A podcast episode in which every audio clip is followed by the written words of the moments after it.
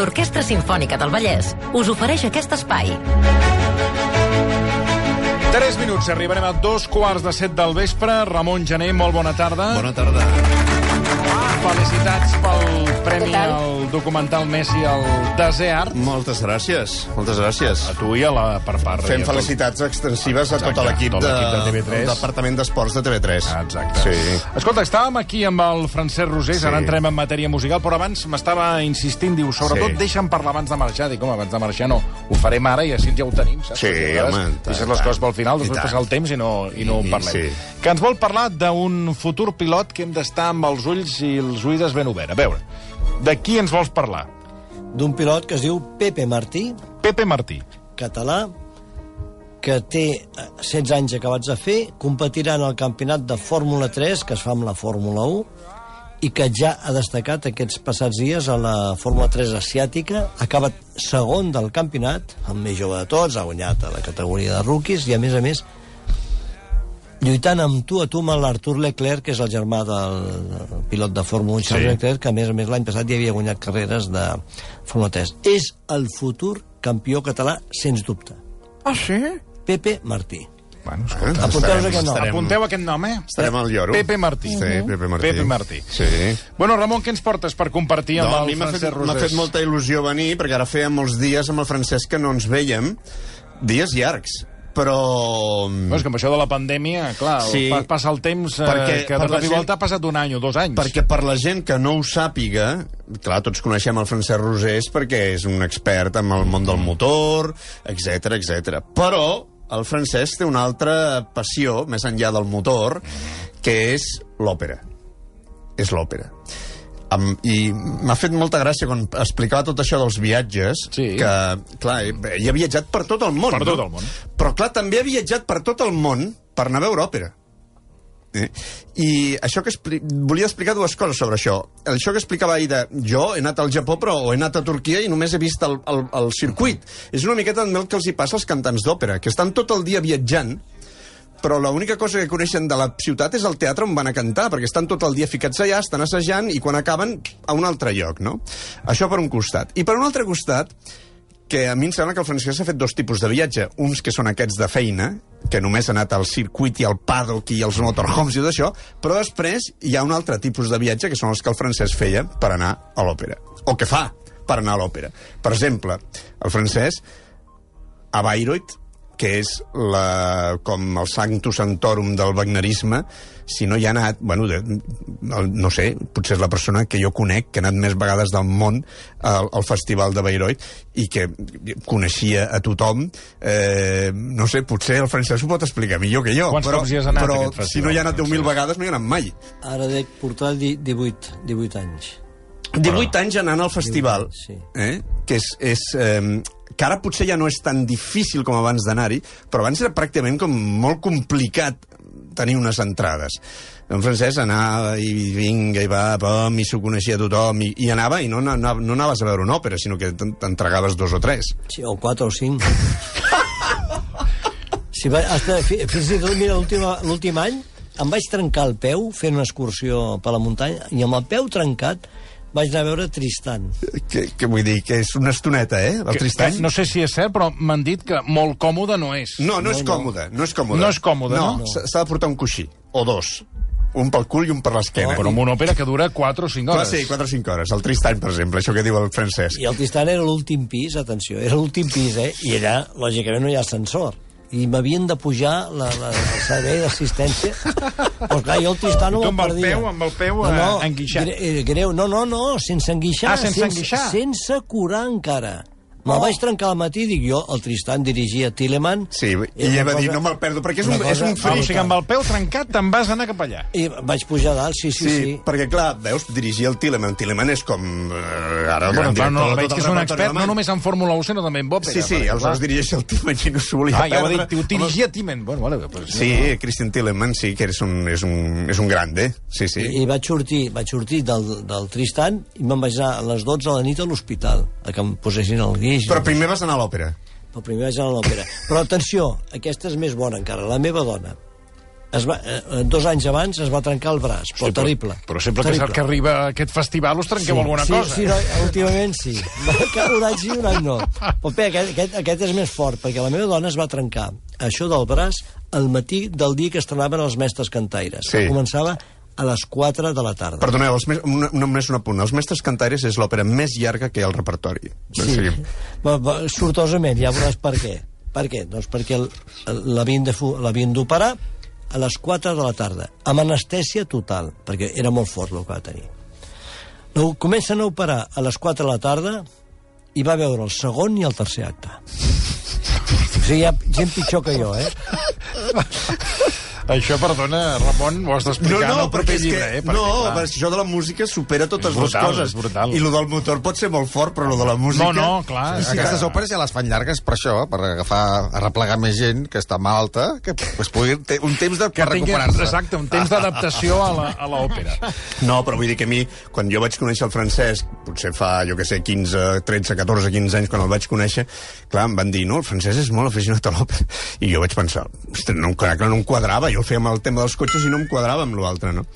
I un dia vaig, eh, vaig, eh, vaig anar a casa seva, a Barcelona, i aleshores vaig veure una col·lecció de DVDs en aquell moment mm -hmm. que o sigui, jo no havia vist mai jo tinc molts DVDs i moltes coses però eh, Francesc, quants DVDs eh, hi havia a casa teva? Quants hi havia o quants hi ha ara? quants, quants n'hi ha ara? Eh, exactament 2.800. Però, D'òpera. però to, D'òpera. tots d'òpera. Tots d'òpera, sí. No, també en tinc de cine, perquè ja són a part, eh? Sí. No, estem parlant d'òpera, no? No, no, clar, clar. I aleshores jo vaig Però, ja, descobrir... però ja, això, jo vaig perdona, descobrir... perdona, la meva, la meva ignorància, Sí. eh? 2.800 uh, d'òperes diferents o d'òperes... No, n'hi ha moltes que les té repetides, Sí, perquè la versió d'aquest, la versió la d'aquell... versió d'aquest o de l'altre, sí, no? Clar, Sí, sí, sí, sí, clar, sí. perquè una cosa és la versió del Tilleman, l'altra és la versió del Karajan, l'altra és la versió del Papito... Bueno, i dels intèrprets també deu. Clar. deu, deu variar, sí, això, sí, eh? I Clar. la posada en escena, sí, sí. Clar, I aleshores jo vaig descobrir amb el Francesc allò que un crític del segle XIX va dir que era el malus germanicus, que és allò quan t'agafa aquesta, aquesta cosa pel món de la música tedesca, de la música alemanya, que, que germànica, que aleshores t'agafa com una falera que sembla que s'acabi el món, no? I allà vaig descobrir, doncs, em, tot aquest món que molta gent m'havia explicat però que jo no acabava de... I a mi, i a mi m'encanta, eh, tota aquesta música també però, per exemple, si posem aquest primer, aquest primer àudio això són les campanes del, del castell del Sangral en el primer acte Parsifal l'última òpera de Wagner aquesta és la música del Francesc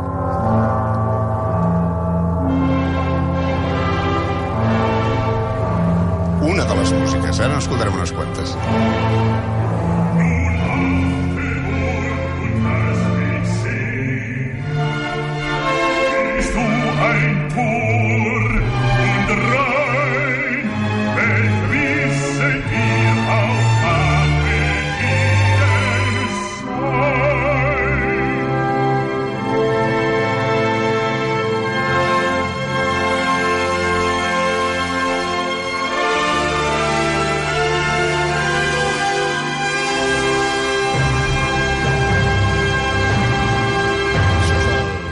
És el motiu del Sant Greal, eh? Ta, ta, ta, ta, ta, ta. Això és el motiu del Sant Greal. No?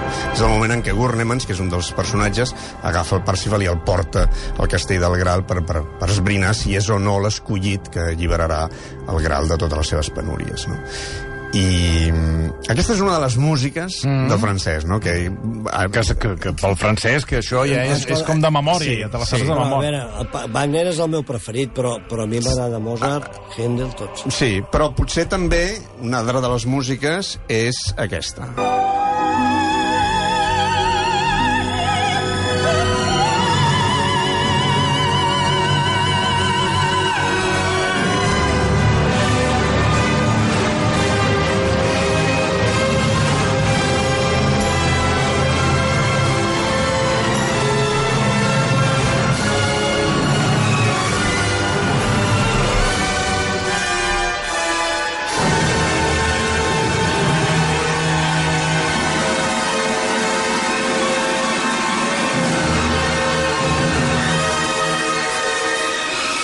Vols dir, Francesc, que el motor no t'ha portat a escoltar trompeteries com aquesta? Mira, mira, mira, mira, mira.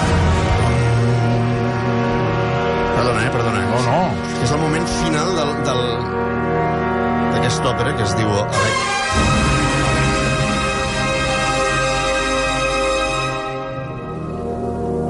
Electra de Richard Strauss. Fortíssim, també, això. Fortíssim, eh? Dic, això, condi- això t'ha- de tanta Fórmula 1 t'ha condicionat, no? Que t'agrada la música, saps, allò? No estàs No. per, per coses italianes. Si veig que t'agrada No, la sí, sí que- trompeteria No, no. potent, home, perquè això, escolta, va fort, això, eh? Això, escolta'm. A veure, Mira, mira, mira, és que això és el final.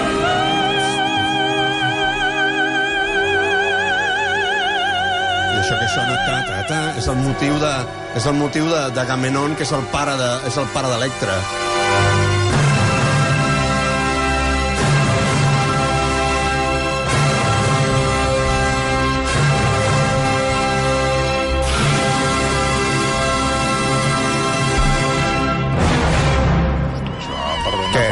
Fort, no? Com, com un Fórmula 1, això, eh? Sí, però a mi m'agradaria sentir un cantant d'òpera en Fórmula 1, cantant. Bueno, Veure, escolti, veure el passar... jo, m'ho- jo, jo, m'ho- Seria, jo, jo, m'ho- no jo, sé, com si tu, a vegades tu, tu imagines això. jo en un programa de tele em vaig ficar dins d'un simulador allà, mm. a, a, com es diu allò, aquell lloc, a Maranello es diu, allà on tenen els, els Ferrari, i em van ficar en un simulador Sí. i vam Sí, fer ja com una Fiorano cosa... Maranello. Ah, Sí, ja, és una cosa. I, i que quasi bé... Quasi, quasi bé rojo, saps? Perquè em vaig fer una marejada dins d'aquell simulador. Que Mareja, et va marejar. Em va marejar molt. Hi ha un altre tipus de música, el, el Francesc ha parlat de Mozart, ha parlat de Handel, de tot això, però hi ha un altre tipus de música mm. A veure. que també és molt del francès, i que jo vaig descobrir molt amb el francès, que és aquesta. Nein, ich selbst. Segona escola de Viena.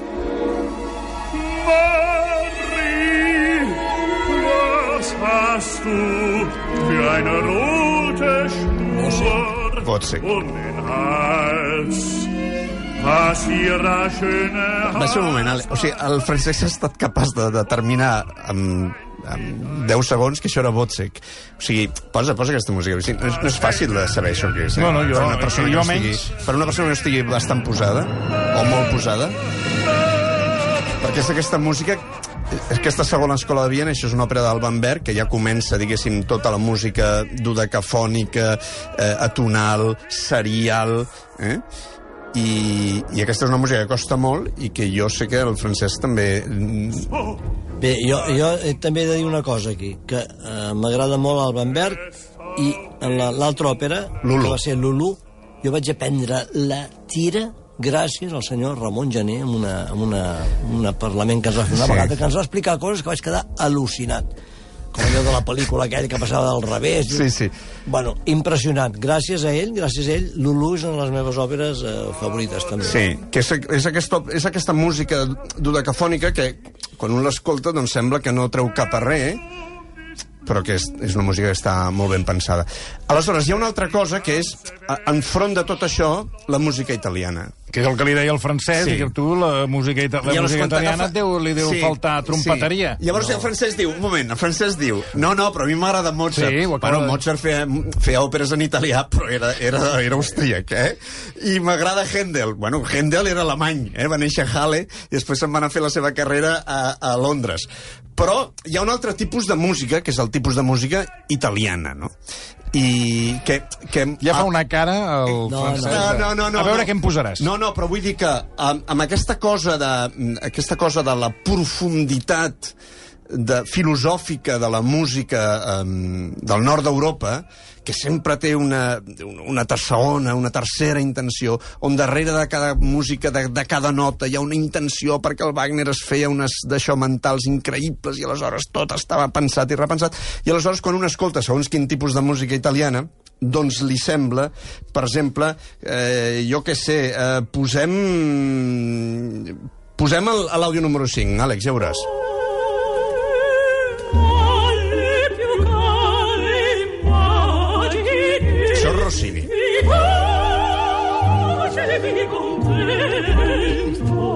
Els cantants canten on, on la música I, jo sóc superfan de Rossini, igual que Wagner, eh? però on els cantants canten per la bellesa del cant. Bel canto. Bel canto. El que diuen ja està d'allò, però vull dir, sobretot és, és vell, és bonic, canten i fan bonic, fan patxoques, saps?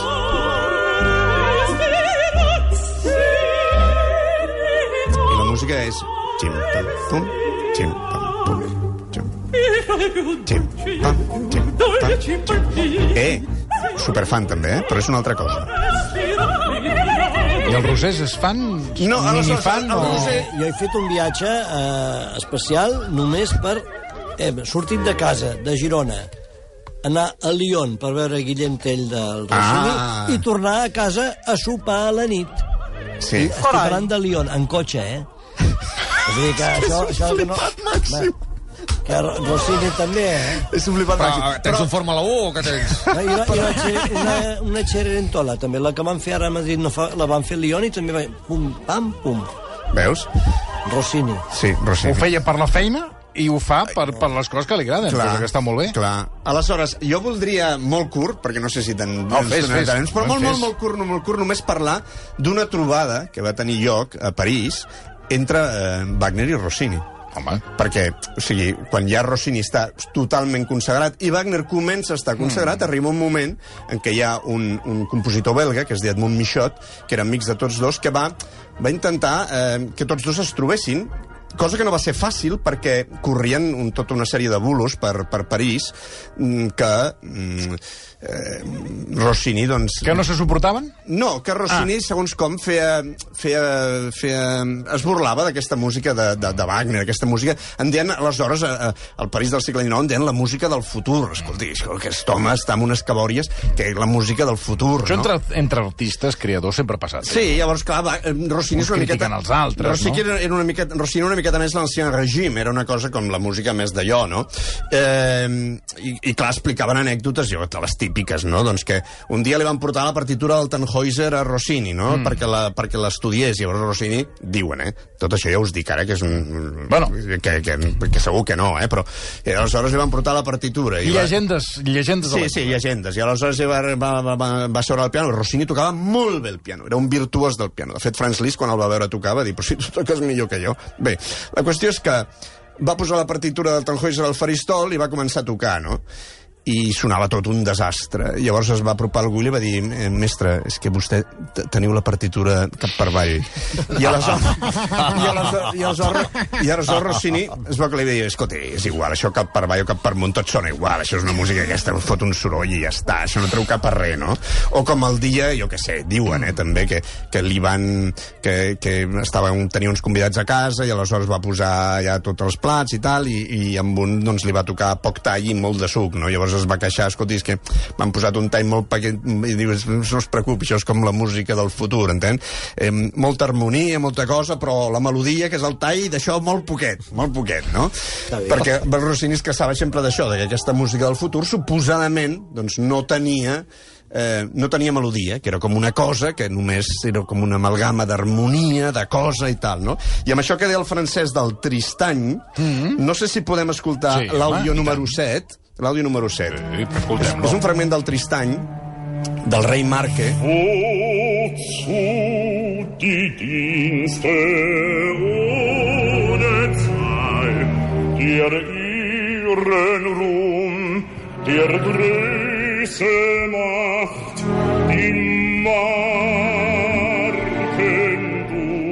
Que-. Que ara m'agradaria, no sé si esteu veient el francès per la tele o no, però el francès va com dirigint l'orquestra i sol. És que és tan bo, Tristan. Bé, doncs això que al francès li agrada tant, si us... Pa... Escolteu 10 segons, un moment, això. Es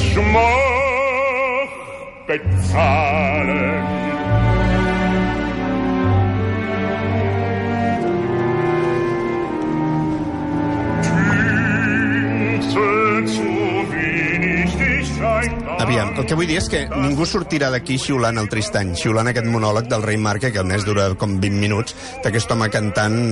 Eh, és a dir, això és allò que Rossini en deia la mélopée déclamatoire, és a dir, la, la, la, aquesta, aquesta, mm, l'oració fúnebre de la melodia, en deia ell.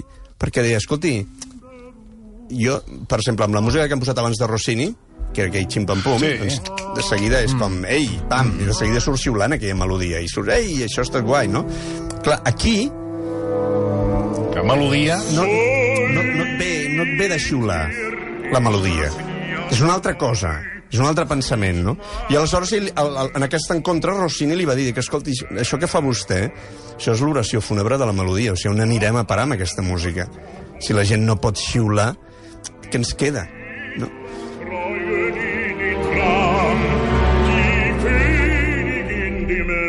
Perquè Wagner afirmava que la, que la melodia havia, havia de ser lliure, que no havia de tenir aquelles carències típiques, saps, aquell xim-pam-pum que ja saps que arribarà al final, que, que tot hauria de ser com d'una altra manera, no? I, I aleshores li recriminava molt també eh, que a l'òpera italiana els números eren tancats, no? Hi havia un duo, i aleshores cantava un, un duet, després cantaven un tercet, però hi havia un xim-pam-pum i comença una altra cosa. Xim-pam-pum i comença l'ària. Xim-pam-pum i comença el recitatiu, no? I el Wagner tenia un altre tipus de discurs, que la melodia havia de ser infinita, que havia de ser un discurs que no s'acabés des del principi fins al final, no? I aleshores Wagner li recriminava dir que, escolti, el pitjor de tot de l'òpera italiana li va dir, diu, és, és aquell moment, al final del primer acte o del segon acte, quan es posen tots els cantants en filera, i tots es posen a cantar, tota l'acció dramàtica s'atura, i tots es posen a cantar com si fossin, no sé, una filera de gent que no té cap sentit dramàtic, no? I, i Rossini li va dir, no, jo, jo, escolti, perdoni, jo ja en sóc conscient de que tot això és una bestiesa, però era la moda del teatre i era, a mi em contractaven per fer això. Escolti, jo què volia que fes? Jo era conscient. Diu, de fet, jo d'això en deia la filera de les carxofes, perquè eren com tot de carxofes posats allà tots en, en, en línia, com sense, sense gaire sentit, no? I és el moment del que en concertant, quan la- quan l'acció la, dramàtica s'atura i els cantants es posen tots allà davant a cantar tots, tots alhora, no? per, per explicar quin és el seu pensament. No? I llavors, la culminació total d'aquesta filera de les carxofes, que en deia, que en deia Rossini, és amb una òpera de Rossini que es diu El viatge a Reims, perquè el viatge a Reims té 14 solistes. I al final del primer acte, els 14 solistes es posen allà El Roger es va dient que se'n va al cap, que l'has vist també aquesta. És que m'agrada molt. Eh, ah. és les, de Rossini és de lo que m'agrada més. Clar, el viatge a Reims, perquè llavors arriba un moment que aquesta filera de les carxofes, que és, eh, que és l'àudio número 6, és, és el moment en què els 14 tios aturen l'acció dramàtica i canten tots a capella. És la filera de les carxofes eh, mm, majúscula. 14 tios, un al costat de l'altre, cantant. I tota l'acció s'atura. És allò que en l'òpera italiana se'n diu il momento dello stupore. És a dir, tots estan esturats allà pensant què els hi ha passat. Saps? Clar, Wagner això li posava els nervis. Tia, però aquí què està passant? No està passant res. Però en canvi és una música increïble, no? Surt un solista, els altres, els altres responen,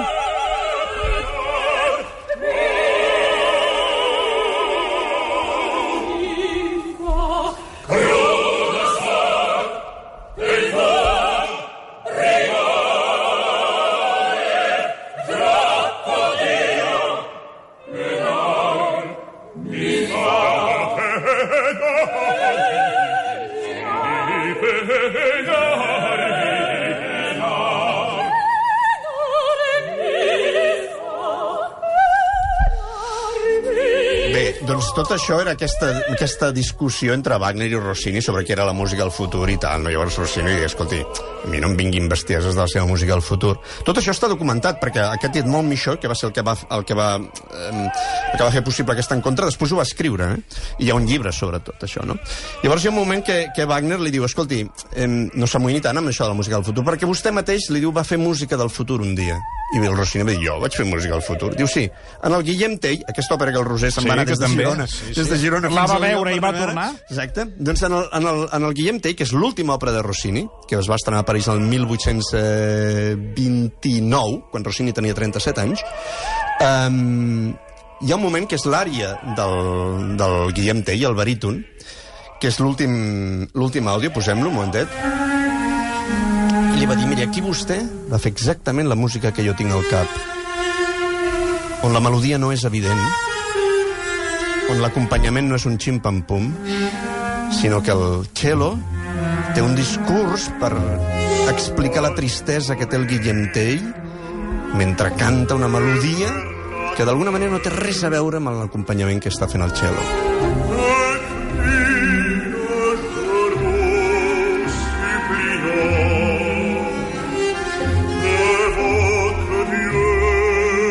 Rossini va quedar flipat que, que Wagner sapigués tant de la seva obra, no? Eh, va dir, hosti, com és possible que aquest tio sàpiga? Rossini va veure des del primer moment que Wagner era un paio era un intel·lectual, més que un músic era un intel·lectual, era un estudiós, era un filòsof, era un escriptor, era, era algú que, que, que volia entendre el món, no? Cadascú l'entenia a la seva manera, un era l'ancien règim, l'altre era la música del futur, però en aquesta última òpera de Rossini, 37 anys, en 37 anys el Rossini es va jubilar, eh? Em... Wagner li va dir, vostè també va fer música del futur. I Rossini li va dir, hosti, no se'n tenia ni idea.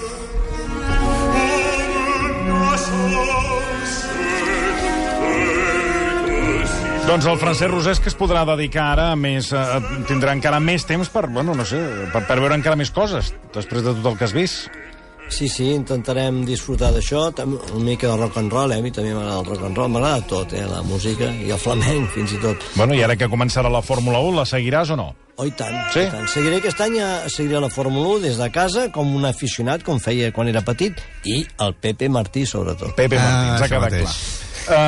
Uh, Francesc Rosés, moltíssimes gràcies per haver-nos acompanyat. Molt vosa- amable, a gràcies per la visita. I gràcies també al Ramon Gené. Com sempre, moltíssimes gràcies. Un plaer. Amb ells hem arribat al final d'avui del versió RAC1. Tornem demà a partir de les 3. Adéu-siau, bona tarda. L'Orquestra